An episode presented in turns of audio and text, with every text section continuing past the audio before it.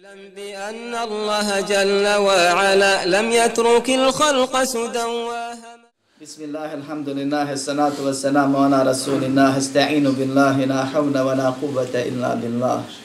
اللهم لا سهل إلا ما جعلته سهلا وأنت تجعل الحزن إذا شئت سهلا. اللهم أرنا الحق حقا وارزقنا اتباعه وأرنا الباطل باطلا وارزقنا اجتنابه. ولا تجعل الحق ملتبسا علينا فنضل.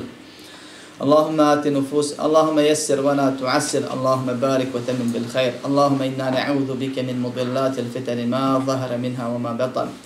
اللهم إنا نسألك الإخلاص في القول والعمل والثبات على طاعتك والثبات على طاعتك حتى نلقاك.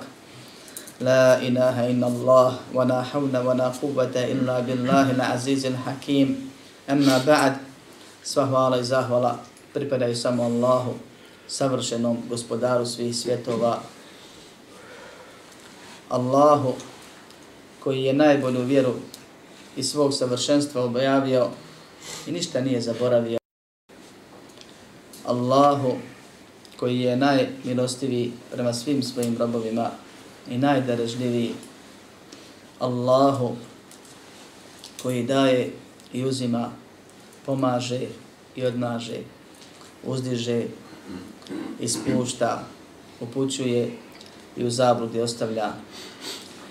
Njega hvalimo zbog njegove savršenosti. Njemu zahvalijemo na njegovom savršenom gospodarstvu, na svemu što nam od njega dolazi, od njeg pomoć, oprost i uputu tražimo. Njegovoj se milosti i nagradi nadamo od njegove strah, kazne i belaja i iskušenja i srđbe koja zaradi smo još na dunjalu ko prije ahireta strahujemo. Koga Allah uputi napravi putome nema zablude. Koga Allah pomogne nikoga odmoći ne može. Ko se na Allaha osloni, on mu je dovoljan. Koga Allah uzdigne, ponižen, neće biti nikada. Koga Allah u zabludi pravedno ostavi, tome nema upućivača. Koga Allah ne obskrbi, neće nikad bogat biti. Koga Allah ne izliječi, doktori mu pomoći ne mogu. Ko je sa Allahom dobar, uspjeće. Ko, se, ko na Allaha zaboravi, propašće. Salavat i salam na Muhammeda, Allahova poslanika, miljenika, najboljeg Allahovog roba, najboljeg Allahovog poslanika, najbolju mu knjigu Allah objavio, najboljim umetom njegov umet učinio. Neki Allahu salavat i salam na njega, njegovu porodicu, ashabe, sve one koji ga slijede do sudnjega dana, moleći Allah da nas učini od njih, a zatim sve dođe i prođe, pa i ovo što mi započeli smo prije 50-ak versova, kad sam govorio da će trebati godina i po ili više ili manje, djelovalo nam je puno, djelovalo nam je daleko. Međutim, Allah je dao da smo završili. A na kraju svakog ibadeta, pa i ovog, čovjek onda osjeća kajanje, čovjek onda osjeća da je bilo propusta, čovjek onda strahuje da možda primljeno nije, da možda iskren bio nije. Kad vidiš da ljudi neki ibadet urade, a teb ispredno sam prošao, isti i, taki, i takvi u takvom stanju, situaciji osjećaju kajanje i žaljenje i treba da bude tako. Neko je priliku iskoristio, ali ne znamo je li kvalitetno. Neko je nije iskoristio. Neko će novu imat. Neko možda i neće. Kad se kaže da životni prosjek ili prosječna životna dob našeg umeta je između 60-70 godina, a u nas je ovdje prosjek 25 godina, čini mi se, u udruženju ili malo više, prosjek govorim, to što, što nas ima stariji, to ne znači onda čovjek udjeluje da ima još vremena. A znamo da nam nije garantovano da ćemo svanut I znamo da i to što ima puno vremena će proći brže nego ovaj ciklus koji smo započeli. I znamo da ko iskoristi kako treba uspjeće, okoristit će se, koristit će mu i ko bude posmatrao i gledao dobit će ono što je zaslužio. Svaka stvar koja se završava zahtjeva, podrazumijeva od čovjeka dvije stvari. Prvo, zahvalnost Allahu što je omogućio, potpunio, što je poživio i proživio, što je dozvolio, što nije na bilo koji od milijarde načina koji mi znamo, on zna još više spriječio i obustavio. Drugo, nadu i dobu Allahu subhanahu wa ta'ala želi oslanac srcema za tim riječima da Allahu kabuli, da Allah da koristi, da ovo bude dokaz za nas, a ne protiv nas.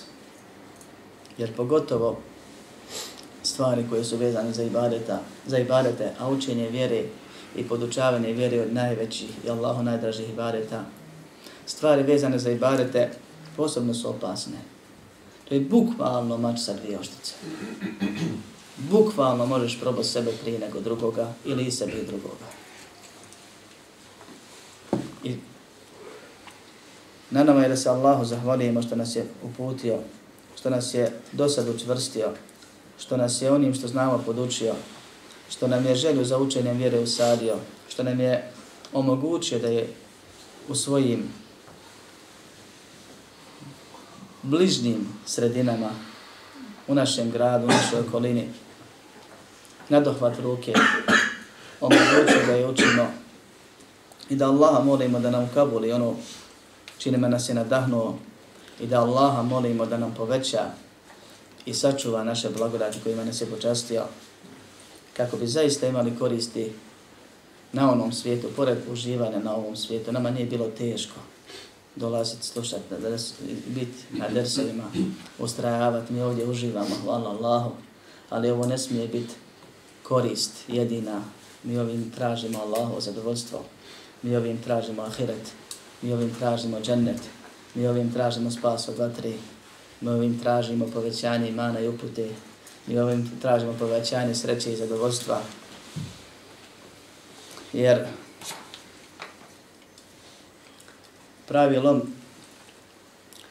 je iskušenje koje te na koljena baci, a lom svih lomova je kad u takvom belaju svojim srcem, svojim jezikom, svojim očima, svojim mislima tražiš izlaz, pomoć, spas kod nekog od Allahovih robova, a ne kod gospodara svih svjetova. I ovim nas uči akida. I ovo je jedan od stubova sreći je pravog života, rahat života, sigurnog života na ovom i na onom svijetu. Mi završavamo i ova sedmica je sedmica u kojoj se upotpunjava tačno tri godine kako smo počeli raditi knjigu Tevhida. I kroz knjigu Tevhida i Vasitijsku akidu mi otprilike smo zaokružili nagrubo učenje islamskog i vjerovanja ispravnog. One osnovne stvari. I do sada ukoliko se ovo iskreno, ispravno shvati, prihvati i primjeni u svom životu, mi bismo trebali da budemo koliko toliko, barem nagrubo, ozidane, formirane islamske ličnosti koji znaju prioritete u svom životu i svrsto se za njih drži. I trudite se koliko mogu u onome što im koriste, koristi, izbjegavaju koliko god mogu sve stvari koje im štete. Molim Allaha da nas učini od takvih, da nas pomogne, da nam iskrenosti, ustrajnosti i ispravnosti podari i poveća. Molim Allaha da nas počasti još više i da nas, prije, da nas sačuva od svakog zla. A zatim, kaže šehhul Islam, rahimahullah, nakon što je rekao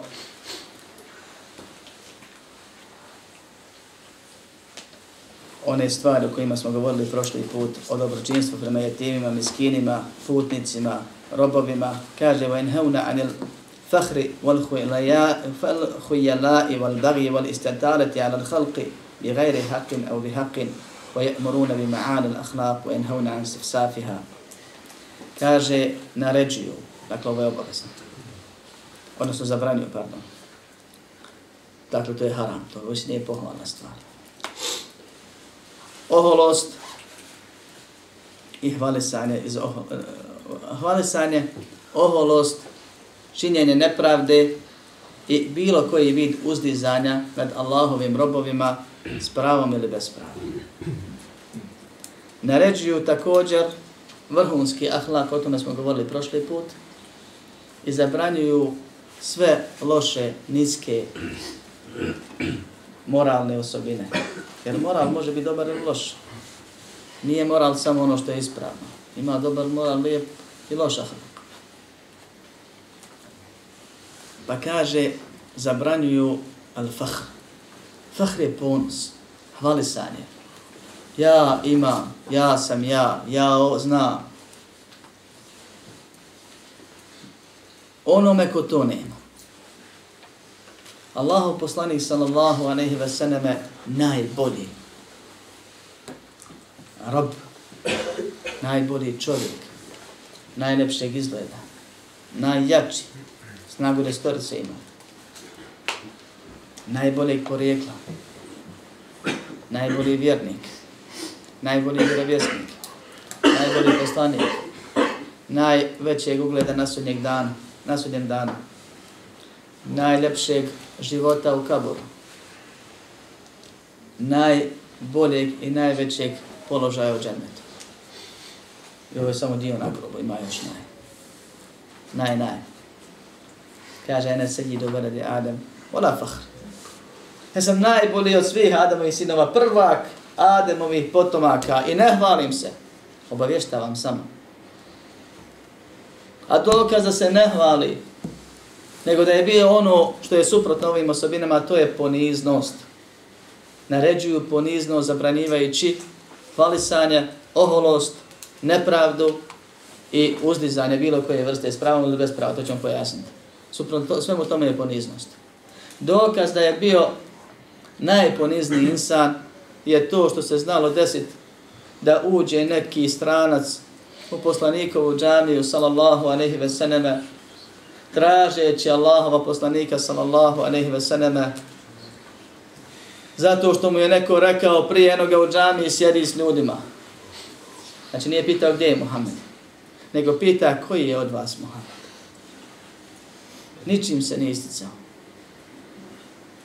Neka su znali reći onaj bijeli tamo čovjek. Ja ne vidio ničem. Kad je pitao nekog kao što je predan. Jer je bio svjetljiv, sallallahu alaihi wa sallam svjetlije put. To je vrhunac poniznosti. Da je jaho na magarcu.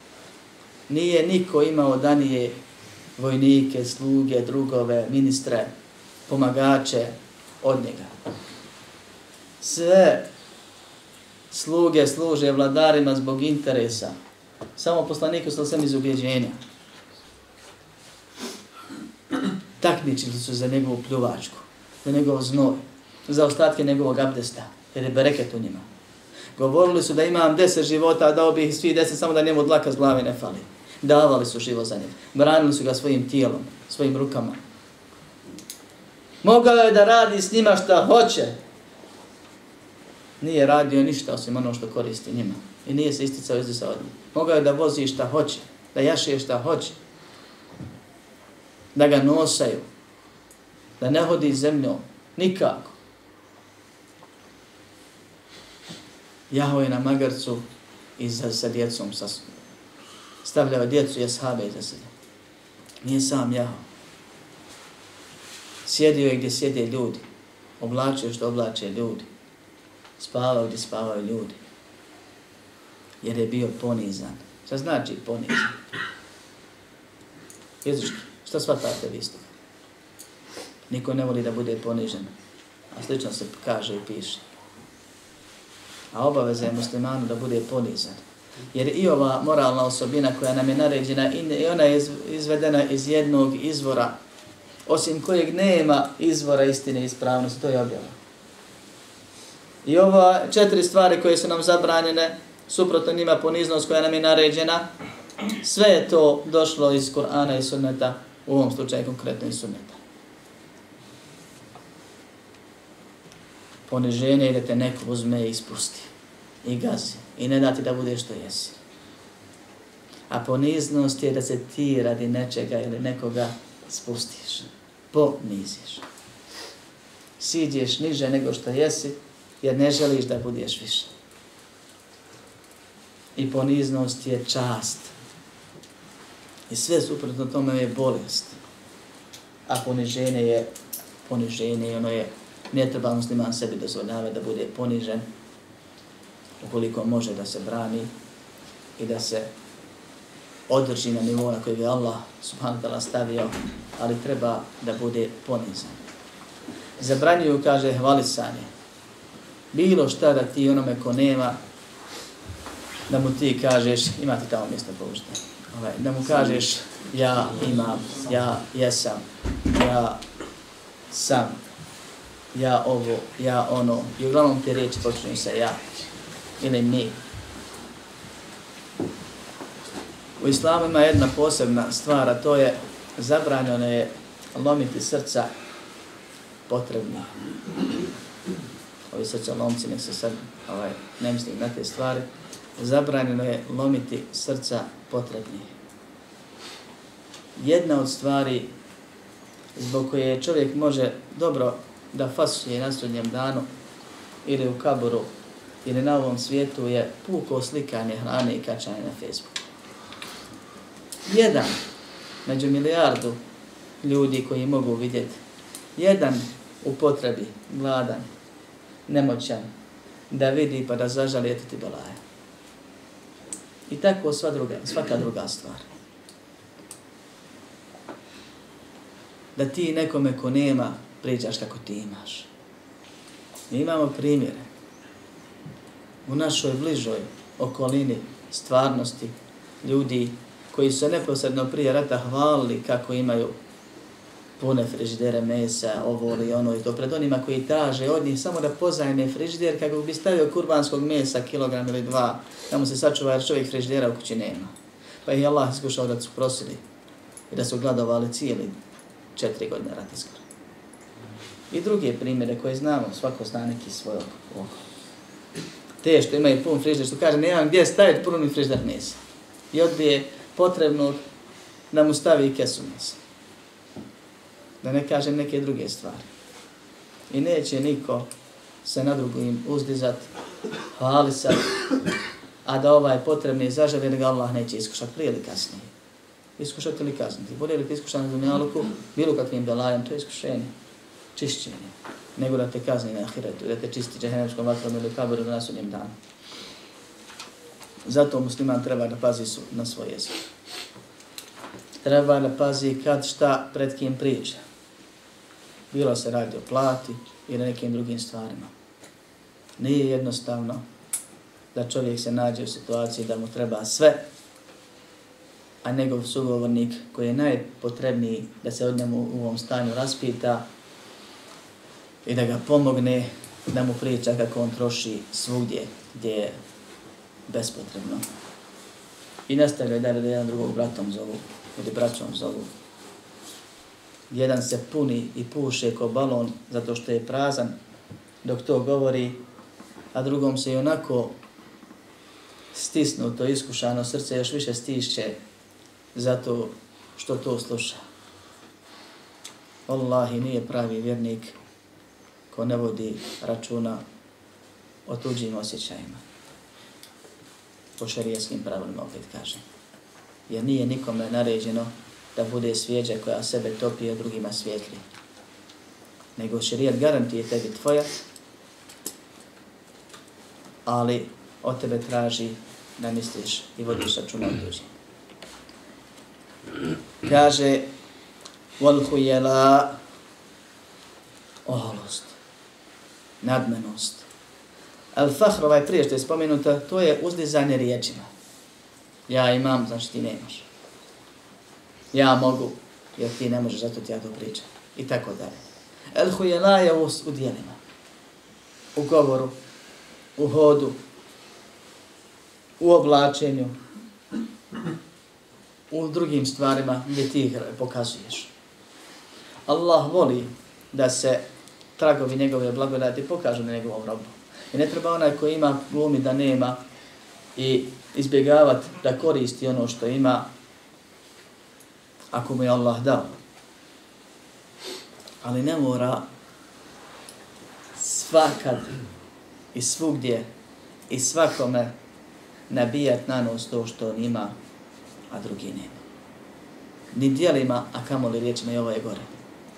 I zato se spominje da je čovjek, u hadisu da je čovjek išao, obukao na neku odjeću posebno za njega, pa je išao, izašao da pokazuje ljudima kako on ima, drugi nemaju, pa je Allah dao da se otvori zemlja i dan danas propada, znači dana će propadati ono. I zato je Allah uništio i otvorio zemlju Karunu, pa je propao on i njegovo blago. Ne zato što je Karun imao, imaju Karuni današnji više možda od njega. Ili manje ili slično, odnosno na ostali svijet. Nego zato što je Karun izlazio da pokaže onima što nemaju, što on ima, oni nemaju. Da se uzdiže, da se oholi, da prkosi, da uživa u tome što oni pate za, za tim što nemaju ono što on ima. Pa ga je Allah ponizio. I čovjek treba da pazi kako šta pred kim govori, kako se ponaša. Postoje oholi načini hoda, oholi vidovi govora, oholi vidovi pogleda, pokazivanja, okretanja ili pokazi, e, usmjeravanja lica. Dakle, ima način kako se oholo okreće od čovjeka i kako se oholo okreće čovjeku. I to prirodno šesta nauči insana kad on hoće otvori vrata oholosti. Pa postoje ljudi poznati po govoru poznati po hodu, poznati po ponašanju, poznati po sjelu svom. I to oholnom, zabranjeno. I zato je došlo u hadisu, nekad je vidio poslanik sallallahu aleyhi ve sallam čovjeka da u borbi izlazi ponosno, oholo, pokazuje neke pokrete i ostalo kako treba u borbi, kako bi isprovocirao ili zastrašio neprijatelja, kaže ovo Allah zabranjuje svugdje osim ovim situacijama, jer kako je već došlo u hadisu. Znači samo sad je dozvoljeno što je rat, jer rat je varka. I treba pokazati silu. I treba obiti u pojam neprijatelja, što više. Koristi sve dozvoljene moguće srca da se, da se... Samo tad je dozvoljeno, nikad više. Čovjek može oholu da hodi, a nam je zabranjeno da hodimo zemljom nadmeno, ona temši fela arde maraha, i može da oholo govori, i može da na način drugi pokazuje bilo onim što ima kod sebe, pokazujući ono što ima, direktno indirektno, nenamjerno, usput mu naopalo, uvijek on ispriča koliko mu je plate, koliko mu je na računu, ispadne mu nešto skupo cijene džepa i tako dalje, zato što voli da ljudi gledaju u to, sve je to haram, makar ljudi ne skontali. Zato dakle, što je osnova oholosti ovdje, u srcu, u prsima. Oholost je tu, ona se pokaže i ne može se sakriti ako ima pošto je poniznost tu, on se pokaže. Bez obzira šta čovjek imao i posjedovao, ako je ponizan, to se vidi. I nije poniznost i skromnost vezana s tim koliko imaš, nego kako se odnosiš prema onome što imaš. Isto tako oholost. Jedan od ljudi koji Allah neće pogledat na sudnjem danu, neće im oprostiti, njima pripada bolna patnja, je oholi siroma. Znači on se može oholiti. Ljudi misle, ja nemam, ne, to sačuvan sam motiv. Ne, ne, ne. Sačuvan je onaj ko svoje srce odgaja i kontroliše i pazi. Da se ne uzdiže na drugima. Da nije od onih koji odbija istinu. Ili smatraju sebe ponim od drugih.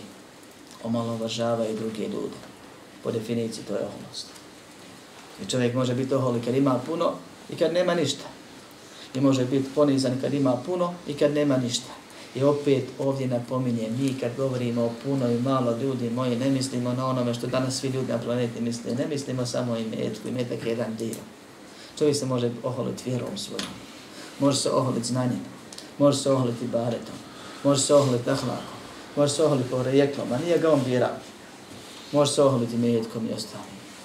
U svemu tome, ili hvala se prije toga, u svemu tome znači je zabranjena oholost, zabranjeno uzdizanje. Ono što imaš, Allah ti je dao, nisi ničim zaslužio, nisi ničim zaradio, dao ti je da bi te iskušao, kako ćeš s tim podsupat.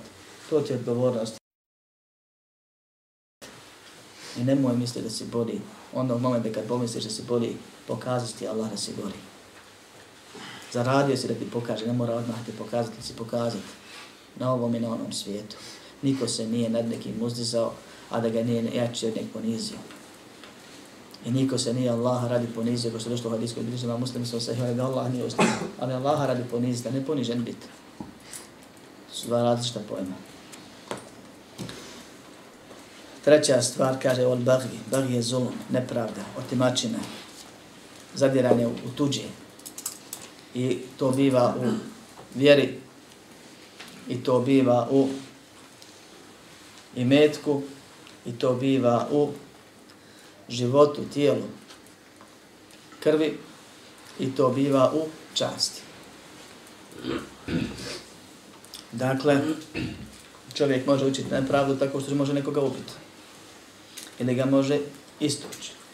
Ili može nesavjesnim operacijom ili neki drugi način htjeći da mu pomogne, ali ne vodi se računa nešto od njegovog tijela oštetiti. Može biti vezano za život, zdravlje i tako dalje. Čovjek može nepravdu učiniti tako što će nečiji imetak uzeti ili mu pak neće dati ono što mu sleduje. Jedno i drugo je zulum. I to je najblaži vid zuluma, iako mnogi se najviše tad bune. Kad im se u novac ili nekretninu zakine, darne. Mnogi su spremni trpiti i da ga se tuče, ali nisu spremni trpiti da mu se s računa skine ili plate uzme. Nažalost. Sljedeća stvar je čast. Njegova, njegove porodice, supruga, njegovog potomstva, njegovog porijekla. U svemu tome čovjek biva ohol. Čovjek može zulum da učini drugome. Da on njemu pričaš ono što nije. Da ga ti ponižavaš. Bez obzira da li on ponizan ili ohol. Da ga ti potvaraš. Da ga ti ogovaraš. Da ga ti ismijavaš da mu ti iza leđa ili pred njim namiguješ dok govori ozbiljne stvari. Ili da mu pričaš o porodici, ili o potomcima, ili da mu diraš o porijeklu. Na bilo koji način da udiraš na njegovu čast. Ono što je bitno i najveći vid zuluma. Jer život nije vredan toga.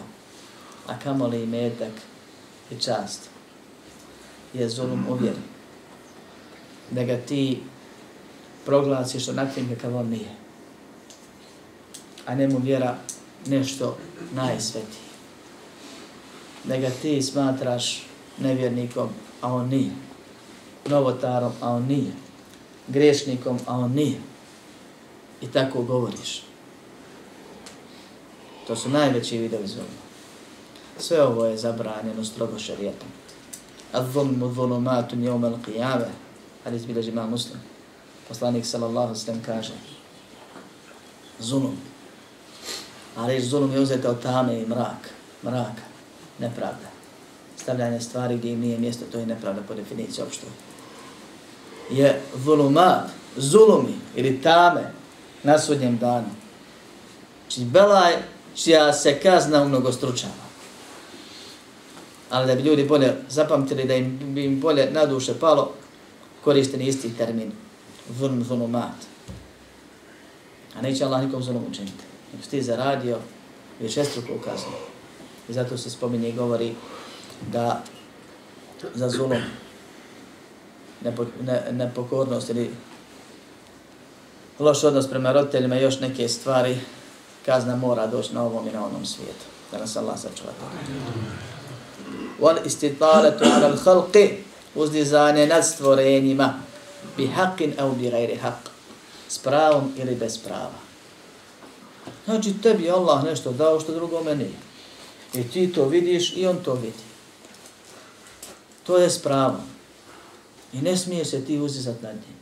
Nisi ti zbog toga ništa bolji od njega. Zbog toga ne. I ako te Allah učinio boljim na kraju kad se to sve završi na sudnjem danu, to ti Allah dao. On te pomogao. On tebi dao, njemu nije. A nisi ti zaradio, niti na neki drugi način sebi to pribavio. Te prema tome, nije dozvoljeno se s pravom dizat, uzdizat na ljudima. Ja sam bolji, pa ću ja sad to ne znam da, da tako smatram. Prvo, nemam nikakve garancije da je insan bolji. Ima ona matematika koju ću opet večeras ponoviti. Mi o su, ljudima sudimo po vanjštini, Allah zna suštinu. A ta matematika je uvijek negativna za onoga ko sudi. Ako pravo sudi. Ja znam svakog od vas koliko znam, ili većinu vas, sve što znam o vama je, samo kad vas vidim i kad znam da klanjate i ostale stvari, je plus. O nekomu znam dvije, o nekom dvacije dvije mahane, ali to je to. A kad bih rekao da svojih 202 znam, malo bi bilo, vjerujte. I tako je stanje svakog od vas. Kad saberem, ti si za mene u plus ogromno. Znam 101 pozitivnost, 12 mahana, to je ništa. Znam svojih stotine mahana i znam da sam svaki svoj ibadet i svako svoje dijelo od kako me Allah uputio do dana današnjeg spušario i da sam sebi sigurno ne bi 100% prolazno ocjenu dao i ne znam je li mi jedno primljeno, znači sigurno je da imam stotine minusa, a ne znam imam li i jedan plus. Znači ja sam po svom sudu pao i doni sam odnosno na svakog od nas. I ko tako razmišlja, neće sebi dozvoliti da upadne ove grije. Da, teoretski kad bih brojao svoje i vaše dobra djela, možda bih ja imao više. Možda. Jer ja ne znam šta vi kod kuće radite. Od dobro. I to je možda, ne mu smijem tvrditi. Jer osnova je da se ljudima lijepo misli. I možda vi imate grijeha puno kod kuće, a za koje ja ne znam, pa ne smijem tvrditi, ne smijem ubaciti ovu matematiku i računicu. Ono što ja znam o vama i što znam o sebi, ja sam u totalnom minusu, a vi ste u totalnom plusu. I ovo nije hvala vam vaša, jer svako od vas treba na isti način da sudi. Tako neće sebi dozvoliti da pomisli da si Bog. Može se nadati, treba se nadaš. Allah je naredio takmičenje. I ne bi se takmičar takmičio da ne misli da će proći, pobijediti, postići. Mi moramo da se takmičimo. Ali na kraju ćemo da vidimo ko je kakav.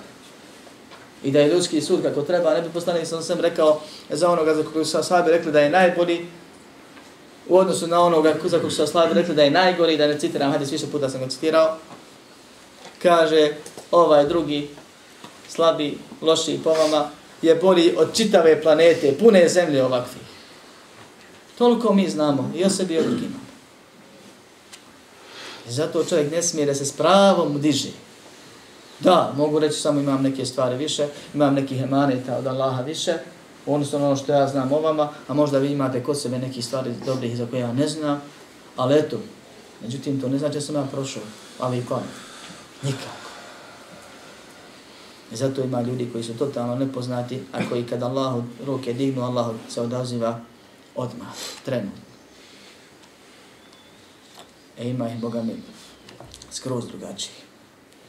Kaže, završava šeh sa ovim stvarima, naređuju naj, vrhunski moral i zabranjuju svih niskih moralnih osobina, sve ono što je Allah zabranio od ponašanja, od misli, od smatranja, koja se kasnije pokazuje na riječima i dijelima, to je loše. Ne može biti dobro. To je jedan dio lošeg morala. Također nisak, nizak moral, ružan moral, je sve ono što se u narodu, u nekoj naciji, u nekom mjestu, u nekom običaju smatra neljudski. I čovjek i to treba da izbjegava. I da se raspita kad dođe u novu sredinu, ne mislim ovdje kod nas, otprilike jedna država, jedna nacija, slično ima, čak i niz, jedna regija nekad. Na Balkanu su slične stvari. Ali već kad odeš kod Kineza, kad odeš kod Arapa, kad odeš kod nekih drugih, razlikuju se stvari. Šorci, majica, su velika sramota kod Arapa, još i dan danas u nekim. Ona je šerijski propis, što ga ljeti nosimo. I u nekim sredinama može proći, u nekim ne može. U nekim sredinama da muškarac izađe bez kape iz kuće, sramota i bruka. I ne treba reći Allah dozvolio, sad ću ja hodam bez kape. Ne. Nećeš se sramotiti. Jer je to loša moral. Puštat sebe u situaciju da neko od tebi loše misli. Nije dozvoljeno muslimanu da se dovodi u sumnjive situacije. Da te vide negdje, na, a bez potrebe. Pa da o tebi loše sudi. A kamo li da čovjek radi stvari za koje zna da su u osnovi dozvoljene, ali da će zbog toga sigurno smatra lošim biti u nekoj sredini, jer kod njih je u običaju to nije dozvoljeno. I ovo me Ulema govorila nadugo i naširko, dovoljno uzmemo ovu poruku. Dakle, loš moral je sve ono što je zabranjeno i sve ono što nije naređeno i nije pohvalno, a u sredini se smatra lošim i sramotom. Ako se u nekoj sredini duga brada smatra lošom i sramotom, a nama je šarijatom naređena i obavezna,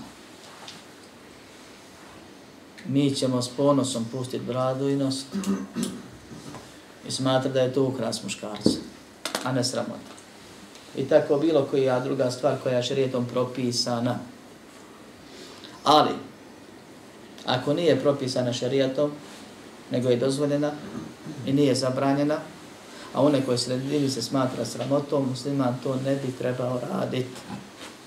I to ne mora biti nužno grije, ali nije to onaj vrhunski obla, o, moral, ahlak, kojeg znači sunetlije forsiraju, u kojeg pozivaju, po kojim se poznaju i kojim su ukrašeni, odnosno odlikovani. Nakon toga šef, pošto nije tema bila knjige Vasitijska akida o moralu, ali je moral dio ubjeđenja. Ako ispravno vjeruješ, mora da se ispravno ponašaš. Pa je spomenuo neke stvari koje su nam pale šehe na jednom sjelu napisao ovu knjigu i poslao ko pismo. Nije on ovo sastavljao oko sada s radovi mjesecima i godinama sastavljao pa se ostavili okisane dvije, tri godine pa se da nekoliko učenjaka na pregled pa onda se potpiše insan ovaj, zato što nismo sigurni svoje znanje što ne znamo u odnosu na one koji su prije znali i sa objeđenjem govorili i napiše usput nešto i Allah dao tomu reketa da se milijarde, slobodno možemo reći, ljudi stoljećima nakon njega koriste. Pa postoje još stvari koje je šeh ovdje propustio spomenuti, ali nije cilj knjiga o moralu, nego je nabrojao, ali zato se ogradio, kao što je toliko učenjacima. Pa kaže, i sve što kažu, što govori i što radi, od ovoga i drugih stvari, dakle ima još stvari, od nabrojanog i onoga što nije spomenuto. Oni kaže, u tome slijede Allahovu knjigu i sunnet Allahov poslanika Muhammeda sallallahu alaihi wa sallam. I njihov tarikat, njihov put, njihov menheđ, njihov pravac, njihov princip je vjera Islam s kojom je Allah poslao Muhammeda sallallahu alaihi wa sallam. Vraćamo se na ono što sam jednom, čini mi se prije dva versa govorio, a to je da, sad ću na jedan drugi način to ispričati, to je da nama se često prigovara prvo što se nazivamo sunetlijama ili u nekim periodima ili podnebljivima selefijama, što se izdvajamo od drugih, što smo naporni drugima, što pametujemo, što mislimo da smo bolji, iako to nije istina, upravo smo to demantovali, ali tako se stvar osjećaj. Što namećemo svoju verziju, a ne priznajemo, kako kažu drugi, ili poništavamo, ili potiremo što nije istina, samo popravljamo što je neispravno. Otkud nama pravo da pored tolikih razilaženja mi tvrdimo da smo mi ispravni, a drugi neispravni. Suština svega ovo što sam Kako odgovoriti? Imamo dva načina. Prvi, ako, ne možeš podje, ako ih ne možeš pobijediti, družim se. I to je, nažalost, osobina nauki i neubjeđeni. Znači, jest u pravu, se izvinite, nećemo više nikad. Svi ste u pravu, eto, i onda vremenom prestane bi se. Drugi metod je ono zbog čega jesi to što jesi. Jer ne bi niko trebao da navijački da pristupi ničemu. Pogotovo ne vjeri islamu, nego na osnovu dokaza. Mi jedini imamo garanciju da je sve ovo što pozivamo 100% istina. Bez obzira koliko to prepotentno zvučalo, ne znam nijak kako više. Zato što mi zabranjujemo da se u ovim i drugim vjerskim stvarima išta dodaje ili oduzima u odnosu na ono što se zove objava. Mi samo pozivamo da se primjeni Allahova objava. Ovo što kažemo da je dobro, ili da je naređeno, ili da je obavezno, ili da je pohvalno, kao i ono što kažemo da je širk i kufr, ili da je novotarija, ili da je veliki grije, ili da je zabranjeno, ili da je pokuđeno, i ono između toga što se zove dozvoljeno. U svemu tome samo prenosimo sa ubjeđenjem, zato što trudimo se da tako i činimo, praktikujemo, prenosimo ono što je Allah objavio Muhammedu sallallahu aleyhi ve sallam, Allah sveznajući nepogrešivi. Pa ko će bolje odrediti šta valja, šta ne valja od sve, svevišnjeg savršenog? I ko će bolje skontati, smisliti, dodat, dopunit? Ko to može Allaha dopuniti? Nije Allah ništa zaboravio. Nije Allah slab ni nekoga pa da je malo popustio. Treba malo jače, ali eto. To je stvar nama jasne. to šeh kaže, sve što govori i sve što rade, što primjenjuju, u tome se drže Kur'ana i sunneta. I njihova vjera je islam. Njihov menheđ je islam. Osnova, kad te pita ko si, šta si, ilahija, gurabija, vehabija, šta no, kako no ide, bilo je opis, paš rečenica, Kažeš mu ja sam musliman. I nije problem. Ali slijede rečenice kasnije koje opet sužavaju stvar. Ali to će čekati. Pa i mi smo muslimani, što seba razlikujemo? Pa i oni su tamo muslimani, pa i ovi su muslimani, pa što ovo, pa što ono, pa što se tamo nešto biju, pa ne znam nija šta ljudi pređu, pomiješaju svašta nešto u pitanju. Kako onda objasniti? Šta onda reći? Kaže, njihov pravac je islam. Ko je islam? Aleti ba'ath Allahu bihi Muhammedan sallallahu alaihi wa sallam. Ona je islam s kojim je Allah poslao Muhammeda sallallahu alaihi wa sallam. Ona je izvorni islam. Ona je čisti islam. Ona je islam kojeg su ashabi razumijeli i primijenili. Ona je islam za kojeg je Allah rekao da je zadovoljan s njim i kogod nešto doda na to, dodaje na potpuno, na savršeno, unakazio ga je ona islam kojeg Allah hvali kad ashab Kur'an čita i u kojeg Allah poziva i za kojeg naređuje više puta i poziva da se Muhammed sallallahu alaihi ve sellem slijedi. Kaže, lakin lemma ahbara nebiju sallallahu alaihi ve sellem anna umetahu se steftariku ala 73 firqatan kullaha fin nari illa wahida wa hiya al-jama'a Ali, pošto je poslanik sallallahu alaihi ve selleme nego vijestio da će se ummet podijeliti na 73 skupine i da su sve uvatri osim jedne i nazvao je zajednicom, a to smo pojašnjavali u prvih dersovima, ko je zaboravio, ili nije bio, neka se vrati. Prvih 4-5 dersova su na tom mjestu.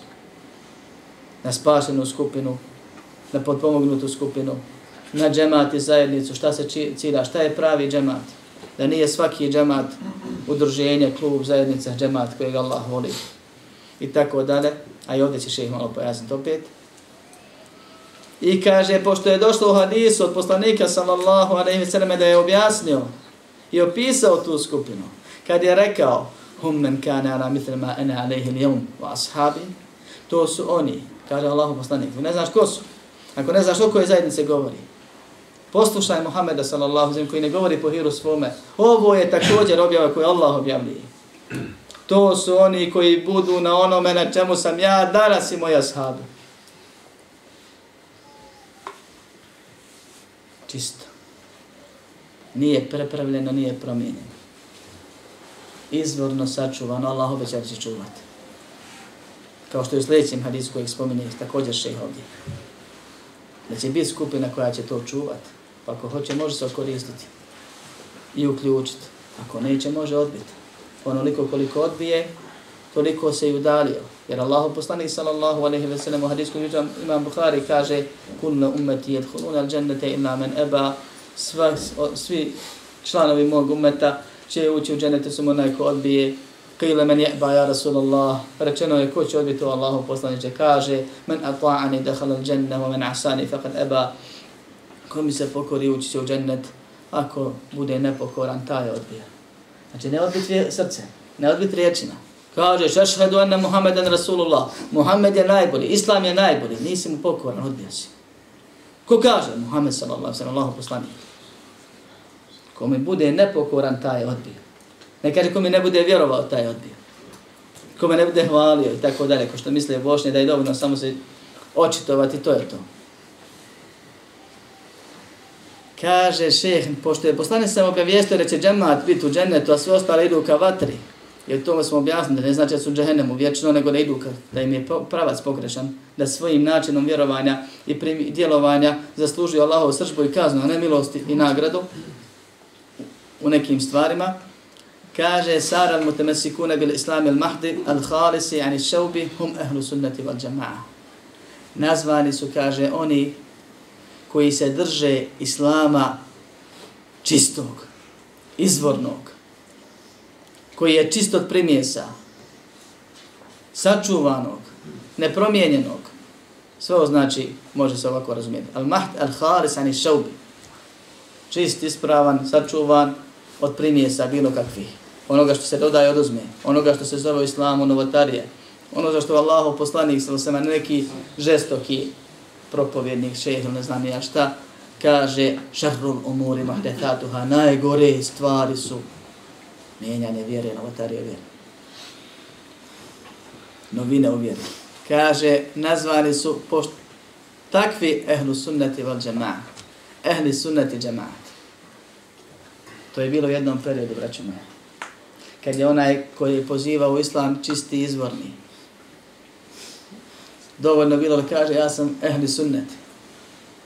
Ili ja sam ehlu džemaat pa je kasnije se desilo da nisu jedni sunnet, a drugi nisu džema. Pa si trebao da bi se razlikovao od drugih reći ja sam ehli sunnet vel džema. Onda su se javile sekte koje su se ugradile u ehli sunnet vel džema samo nazivom, a ne ubjeđenjem i primjenom. Pa su počele priče kako ehli sunnet mogu biti tri, četiri, pet. Pa se počelo u umetu koristiti kako imaju šije i ehli sunnet. A u Ehlu Sunnetu 73 frakcije. Veliki. I pod frakcija samo Allah zna koliko ima. Tad nije dozvoljno reći, dovoljno reći da bi se razlikovala ona spašena i potpomognuta od ostale skupina, da bi čovjeku rekao nemoj tako, to ide ka džehennemu, hajde ovako. Za ovo imamo od Allaha garancije kroz njegov objavu da je ovo ispravno, da ovo vodi ka džennetu. Postojale su potrebe da se ljudi nazovu posebnim nazivima. I ti nazivi nisu sveta stvarno se mogu mijenjati. Iz istih razloga zbog čega su nazvani. Da bi naziv bio ispravan, mora da ukazuje na jednu stvar. Cijelokupni izvorni islam koji je bio prije. Cijelokupni islam izvorni. I zato se nekad zvali zajednice samo. A to su Haridže bile prvi koji su izmislili svoje novotarije i zbog njih se odvojili, pa je na zemlji bilo nemuslimani sa sto jednom religijom i bili muslimani u zajednici i oni koji su odvojili u zajednici. Pa su pa hoće Kur'an, neće sunnet. Ili sumnjaju sunnet. I sumnjaju izvore sunneta. I tekfira one koji su nam prenijeli sunnet. I potvaraju za svašta. Pa je trebalo da se kaže sunnet smo. Nismo ono drugo. Ne samo Kur'an i sunnet, nego sunnet. Što sunnet? A to što je sunnet sve što je došao Allah poslanik sa sve. Dakle, Kur'an i tumačenje Kur'ana kroz 23 godine riječima i dijelima. To je sunnet. Tako da riječ sunnet obuhvata onaj islam na kojem, na kojem je preselio Muhammed sallallahu alaihi Onda se vremenom pojavilo jedna, druga, treća, pa da ne bi sad dodavali stalno nazive, pa kad te neko pita ko si, ti njemu moraš 17 riječi reći, traže se novi naziv pogodan, da zadrži ono izvorno, a isključi sve ono što je dodano. Pa su govorili da su sledbenici hadisa. Pa su sledbenici selefa. Zašto selefa? I što znači selef i selefija? Selef je prva generacija, odnosno prva tri pokoljenja muslimana, one, oni za koje je poslanik sam sam rekao najbolja je moja generacija, zatim oni nakon njih, zatim oni nakon njih. I posle toga se kaže u islamskoj terminologiji halef. Imaju tamo opisi i razilaženja koje je tačno kako, ali pojenta da su selef bili na jednom principu. A to je da se Allah obožava srcem, riječima i dijelima, izgledom i ponašanjem, onako kako Resul pojašnjava. I to je glavni princip koji čini spašenog i uspješnog, razdvaja spašenog i uspješnog od onog drugog koji je. Znači, vjera je samo ono s čim je Allah poslao poslanika. I na tome je bila ta generacija, ta zajednica koja se zove Seref, te tri generacije, a onda su se nastale razne sekte koje su pogrešene u nečemu od ovoga. E, postupili su ili vjerovali su suprotno nečemu gdje je već Allah preko poslanika presudio. A oni imali svoje, svoje stav. Iz bilo kojeg razloga. Pa je svaka sekta, sekta zato što ostupa od principa vjere koji se nalaze u Kur'anu ili sunnetu. Koji su razišli u razumijevanju ili primjeni u odnosu na one prije njih. Odstupili od izvornog. Zamutili. I to se da pročiti, sve što se zamuti. Ali onda više nije mutno da je čisto, biva isto kao ono prije. I to je spojenta. Pa su se zvali i najširi naziv, stoljećima traje, dijelu se na Selef i Halef, s jedne strane kao historijski period, prvi i potoni, a oni koji slijede prve zvali su se Selefije, oni koji slijede kasnije zvali su se Halefije ili po svojim znači Maturidije, Šarije, Džehmije, Ma'tezile i kako se kove zvao na drugi način. Dešava se da u zadnjem vremenu, ciljano, pravi se razdor, iskorištava se jedan dio selefijskog korpusa. U zadnjem stoljeću posebno pokazano. Zadnjim decenijama još više. I da unutar oni koji se nazivaju selefijama, imamo čiste haridje.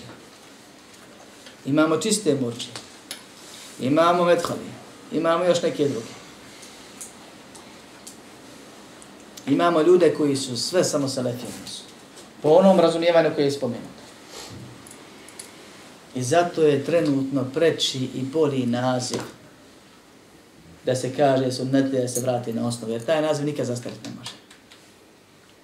Jer ovi što su ostupili ovim stvarima i što su ukaljali ime Selefa, i što sad čovjek kad kaže da je Selefija, pita ga onaj drugi, koji Selefija?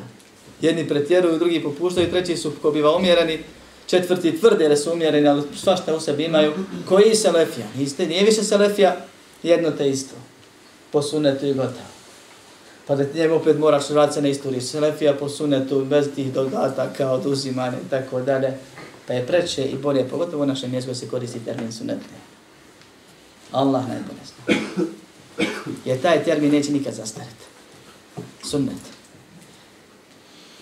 A sunnet to sebi ima pravila od kojih počinje i završava. A to je vjerovanje Allahu po pitanju obavijesti, obožavanje samo Allaha po pitanju ibadeta i obožavanje Allaha onako kako je Muhammed s.a.v. poslan da nam pokaže i pokazao nam i ponašanje u skladu s onim što je poslanik se radio i primjenjivao je njegov moral je bio Kur'an i ostalo što proizilazi iz toga od raznih ogranaka. Zato šeh kaže i nabraja ko sve spada u ovaj pokret. Jer neki nazivaju pokret. Kaže tu su siddikun i šuheda i salihun, Kaže tu su prije svega siddici, evlije. Ebu Bekri i ostali koji ga slijede u dobro, u najboljem, u vrhunskom. Oni koji su drugi u dobro pretekli. Oni čije objeđenje tako jako da su to, da su to dijelima morali svojim potvrditi i pokazati sebi i drugima. I šehidi, oni koji su svoj život u propisanoj šarijaskoj borbi, a ne po svom nahođenju, položili na Allahovom putu i svojim životom osvjedočili da su ubijeđeni ono što je istina. Wasanihun, dobri ljudi, svi koji rade po onome što je Allah naredio, izbjegavaju ono što je Allah zabranio, trude se tu ostali. Kaže, imamo tu, kaže, poznate, one koji su postali ovaj simboli upute. To su imami, imami ehli sunneta, što bi rekli kod nas. Selefije, sunnetlije, makar bilo krivo onima koji se na njih pozivaju, daleko su od njihove prakse, su bili imami svih mezema. Svi su pozivali ovaj princip, svi su trudili se da nauče šta je to Muhammed s.a.v. zahtjevao, pa da potom rade i širi. I u svakog od njih se, od svakog od njih se prenosi, i u svačije mezebe od njih stoji pravila koje otprilike liči na ono što je Bohanife rekao, ako nađete hadis, to je moje mese. Mislim, ja ovo, ovo je moje, to ovdje sam ja dobacio, tražeći istinu. Kogod još nađe nešto od istine, da me dopuni, i to je ono što sam ja htio da uradim. Ili kad, kao što se prenosi od drugih, ako nađete vjerodostojni hadis koji se suprostavljaju onim što sam ja govorio, bacite moj govor, tresnite ga od zid, a ozmite se za hadis.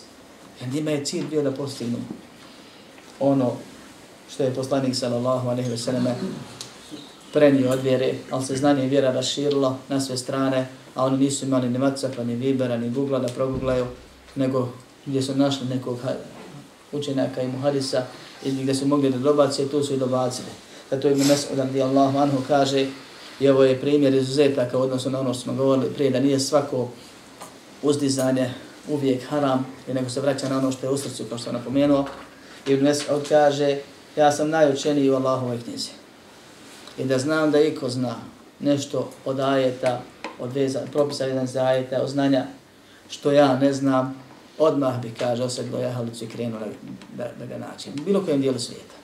Što bi mi je rekao, odmah bi upalio auto i krenuo njemu. Nebitno koliko je daleko. Pa tu govori ono što je činjenica, da je najučeniji. I tre, bio je povod toga. I povod je ispravan i nije ti ispravan. Nije da se hvali, nego da kaže ljudima ovdje je znanje, uzmi ga drugo. S druge strane, kaže, nisam ja sve pokupio. Nego ne znam. I ako saznam da ima neko učenih po jednoj stvari, jednom propisu, ja idem tražim da i to pokupio. Jer cilj je istina, ne ono što ja plasiram. I svi imame od Ebu Hanife i prije njega onih Malika, Šafija, Ahmeda, Avzaija, Feurija, Abdullah ibn Mubaraka su bili upravo ovo. Znači, znakovi po kojima se prepoznaje uputa svjetiljke koje svjetlije u tami, ljudi koji su imali dokazane velike odlike, ljudi koji su imali također stvari i osobine po kojima se pamte i prenose. Bili su oni el-ebdal. Ovo sve što še kasnije navodi, prije svega se odnosi na one prvi, jer oni imaju sve. A onda svaki opis je manje od prethodnog. Bili su oni, kaže, el ebdal. Ebdal je znači derni koji sufije koriste, a koristio se prije kod ovaj, oni to tumače na jedan svoj način koji nikako nije ni ispravan ni dobar. A riječ ebdal se inače kaže za osobu koja je primjer drugima u znanju i baretu pa to širi. Kaže, u ehli sunnetu imamo sidika, šehida, dobrih ljudi, imama, prvaka, onih koji drugima put pokazuju, osvjetljavaju, to jest podučavaju ih Imamo, kaže, onih koji su primjeru i badetu i primjeru u znanju. Imamo, kaže, imame vjere, o to što sam malo prije spomenuo, svi imame su bili na ovome, alhamdulillah, ali su svi bili ljudi i svi su griješili i mi griješimo i tamo gdje su oni pogriješili, a do nekoga od nas ili nakon nas, bez obzira koliko zastario i kasnije ga Allah stvorio, dođe vjerodostojan hadis, obaveza je čovjeku da slijedi poslanika, a ne bilo koga od učenjaka i to je, na tome se ulema složila u doba ovih imama i naših predvodnika. Kaže, među njima su imami na kojima se muslimani složili da su bili upućeni i da su imali znanje. I oni su podpomenuta skupina. Ovdje šeh nabraja samo pozitivne stvari. Hoće reći, nije to skup istomišljenika i neke klase u narodu. Nego su svi muslimani koji vjeruju da se samo Allah obožava, da je Allah Bog, da se Allahu vjeruje, da je istina ono što Allah objavljuje, da se poslanik mora slijediti, da se ne može Allah robovat i obožavati i Allah udovoljiti osim onako kako nam je poslao poslanika, da se mora vjera po sunnetu primjenjivati, da su svi oni ehli sunnet i da najbolji ljudi ovog umeta su bili upravo ti. I da među njima uvijek je bilo i ostaće prethodnika prvaka u znanju, u ibadetu u zvanju, u odlikama, u položaju i tako dalje. Isto tako, braćo moja, ahli sunet spadaju svi obični, da kažem tako, smrtnici,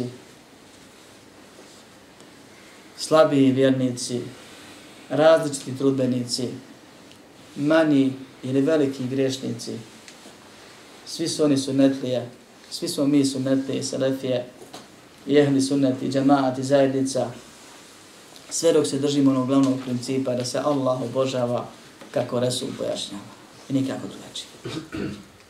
I da je prva generacija primjerna generacija i da se ona mora slijediti dobro. Kur'an i sunnet po razumijevanju selefa ovog umeta. Govorili smo o tome. I kogod to ima, bez obzira na količinu grijeha, on se smatra grešnikom. Prvo sam sebe smatra, on te grehe ne pravda. Niti se hvali grese. I sve se smatra grešnikom i nastoji da se popravi. A princip u onome što radi od dobra je ovaj. On je na pravom putu. I zato kaže, svi su oni potpunuta skupina za koju kaže poslanik sallallahu alejhi ve selleme la tazalu ta'ifatu min ummati 'ala al-haqqi min sura la yadurruhum min khalafahum wala min khadarhum hatta taqum as-sa'a neće prestajat postojat umom sku, umetu skupina podpomognuta na istini. Neće im nauditi onaj ko se bude protivio im, kontrirao, niti onaj koji ih bude napustio i izdao, sve dok nastupi sudnji dan. Allah subhanahu wa ta'ala objavio objavu.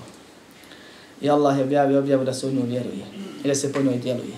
I traži nas da budemo mu'mini, a imani ubjeđenje riječi i djela. Allah se obavezao će objavu čuvat. Objava su Kur'an i sunnet. Stav dijela islamskih učenja kada ne treba da je hadise spominjati ni kao postica, iako neki, mnogi smatraju dozvoljenim. Što? Kažu zbog principa.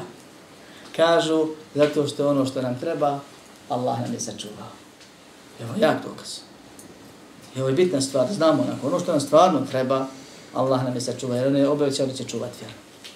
Kad kaže da će čuvati vjeru, to znači da objava neće biti iskrivljena u potpunosti, da je nema na zemlji istine, kao što se zesto sa prethodnim religijama. Isto tako znači da će sačuvati pojedince da je primjenio, jer vjera je znanje i praksa. Nije vjera samo znanje, niti vjera samo praksa.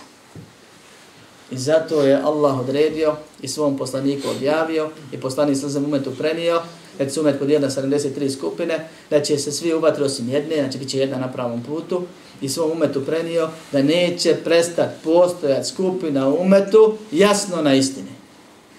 To je sa jasnim dokazima. Nema dokaz koji iskrenog vjernika ubije u pojam ako hoće nešto suprotno tome. Da ga porazi, ponizi. Ako neće, On može se vadi, ako ne iskren, ko što se dešava. Ali dokaz iz objave. Ne rekao ja i ja mislim, nego rekao Allah uzviše, nekao postane sam tako razumije da sahabi, Allah garantova za njih da su na pravom putu, pa što ti sad hoćeš? Dakle, bit će jasno na istini, neće im navoditi ko se protiv njih bude borio. Neće ih moći odvratiti. Ako ih Allah bude uputio. I neće im navoditi onaj koji ih bude izdao, napustio. Ko ostavi pravi put, samo je sebe ponizio. On je jedini štetovao, niko više. Sve dok ne dođe sudnji dan, odnosno onako kako je opisano u drugom hadisu, jer mi vjerujemo sve hadise i smatramo da jedan drugog tumači, a ne negira, da će Allah pred sami sudnji dan poslati blagi vjetar, povjetarac, koji će ispod pazuha puhnuti, uzeti duše vjernika, a onda će smak svijeta nastupiti na najgorim stvorenjima, kao što je došlo u hadisima. Dotad, dok, dok ima zadnjeg vjernika na zemlji, bit će sumetlija manje ili više. I oni su svi od Muhameda sallallahu alejhi na čelu pa do zadnjeg koga usmrti povjetarac jedan džemat, jedna zajednica. I to je najveći džemat i to je sveta zajednica kojom se ne, ne smije kontrirati i s kojom se ne smije razilaziti. Jedina prava zajednica, ona s kojom je Allah zadovoljan. Bez obzira gdje živjeli, bez obzira koliko se njihov trud razlikovao, bez obzira znali za jedni za druge ili ne, ko što inače nije uvjet bilo koji drugi zajednice, onda znaju svi sve. To je. I Allah uzvišeni garantuje kroz ovaj hadis da onome ko hoće pravi put, prije svega Allah će ga uput, zato ima, zato ima puno dokaza, a kad te Allah uputi, ne možete niko odvratiti, niti ne, može, ne možeš izgubiti. Ako te neko izda i promijeni i ostavi i napusti, Sve dok si sa Allahom, niko ti ne treba. I ako nisi sa Allahom, džabati svi. Braćo moja, ovim je šest završio, na kraju je spomenuo dovu i salavat i salam. Salavat i salam mogu se komentarisati u jednom čitavom dersu, ali nećemo to raz završiti večeras ako Bog da. Malo sam odužio, a valte moram kraj, da ne bismo pravili des zbog 5 ili deset minuta priče. Allah je cilj. Kur'an je put do tog cilja. Sunnet je način hođenja tim putem. Nećemo stići do Allahova zadovoljstva i do njegova dženeta. Osim pravim putem i pravim načinom. Čovjek može znat put, ali ne imati mogućnost da kreće njime. I može znat i moći hodit i lutat jer put ne zna. I može ići putem pravim, a ne znajući da je to pravi put, zato što ne zna cilj. Bitno je da insan zna šta mu je cilj i da tome cilju potčini sve. Bitno je da insan zna gdje je put, put je pojašnjen u Koranu, a u Koranu se kaže slijedite Allaha, pokorajte se Allaha, pokorajte se poslaniku, da biste uspjeli, da bi vam se milost ukazala, da biste bili upućeni i tako dalje. Tako. Nema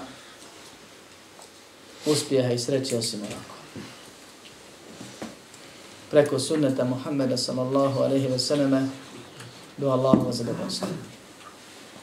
I blago onome ko ovo shati, i blago onome ko ovo prihvati, i blago onome ko se na ovom putu trudi. I zato šeheh, nakon što je objasnio drugima šta je pravi put i milion nekakvih osobina, odlika, dokaza i svega drugoga, vraća se na ono što je osnova svih osnova, a to je dova Allahu da učvrsti i da ne okrene naše srca. Pa kaže, molimo Allaha da nas učini od nje. Jedan od ljudi koji je nazvan šehol islamom, što bi prilike značilo najučeniji u islamu, ili osoba na koju se olema vraća kad ne zna, i stotine učenjaka su ga tako nazivali, tako smatrali njegovo doba, pogotovo kasnije, kaže, molim Allah da nas učini od nje. Ne kaže, ljudi, ja sam od nje, ja sam primjer, pa ko bude koja uspjeće, ko, bude, ko ne bude koja propaše. Nego dovi Allahu, i to nije sad samo, da nas učini od nje, a mi smo preći da to dovimo stalno, dok sve dok živimo. I da kaže, ne skrene naša srca nakon što ih je uputio, i da nam od sebe podale milost, kao što je došlo u Koranu, sura na Imranova dova, innehu huval vahab, on je onaj ko mobilno daruje, pa kaže, Allah zna. I salavati se nam na Muhammeda i njegovu porodicu i ashabe mnogo.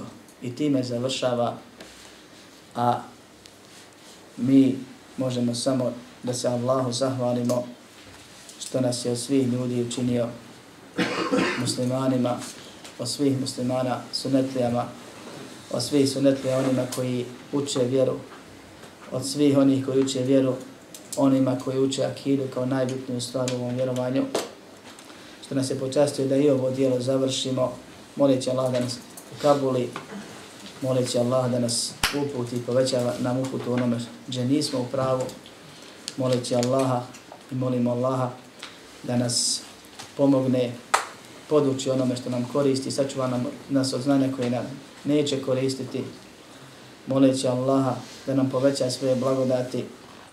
Molim Allaha da nam poveća znanje i uputu, bogobojaznost, da učvrsti našu vjeru, da popravi naš dunjalog, da uljepša naš konačni boravak, naš ahiret. Molim Allaha subhanahu ta'ala da ovo što smo čuli večeras i slušali predjednim versovima bude dokaz za nas a ne protiv nas. Amin. Walhamdulillahi rabbil alamin. اعلم بأن الله جل وعلا لم يترك الخلق سدى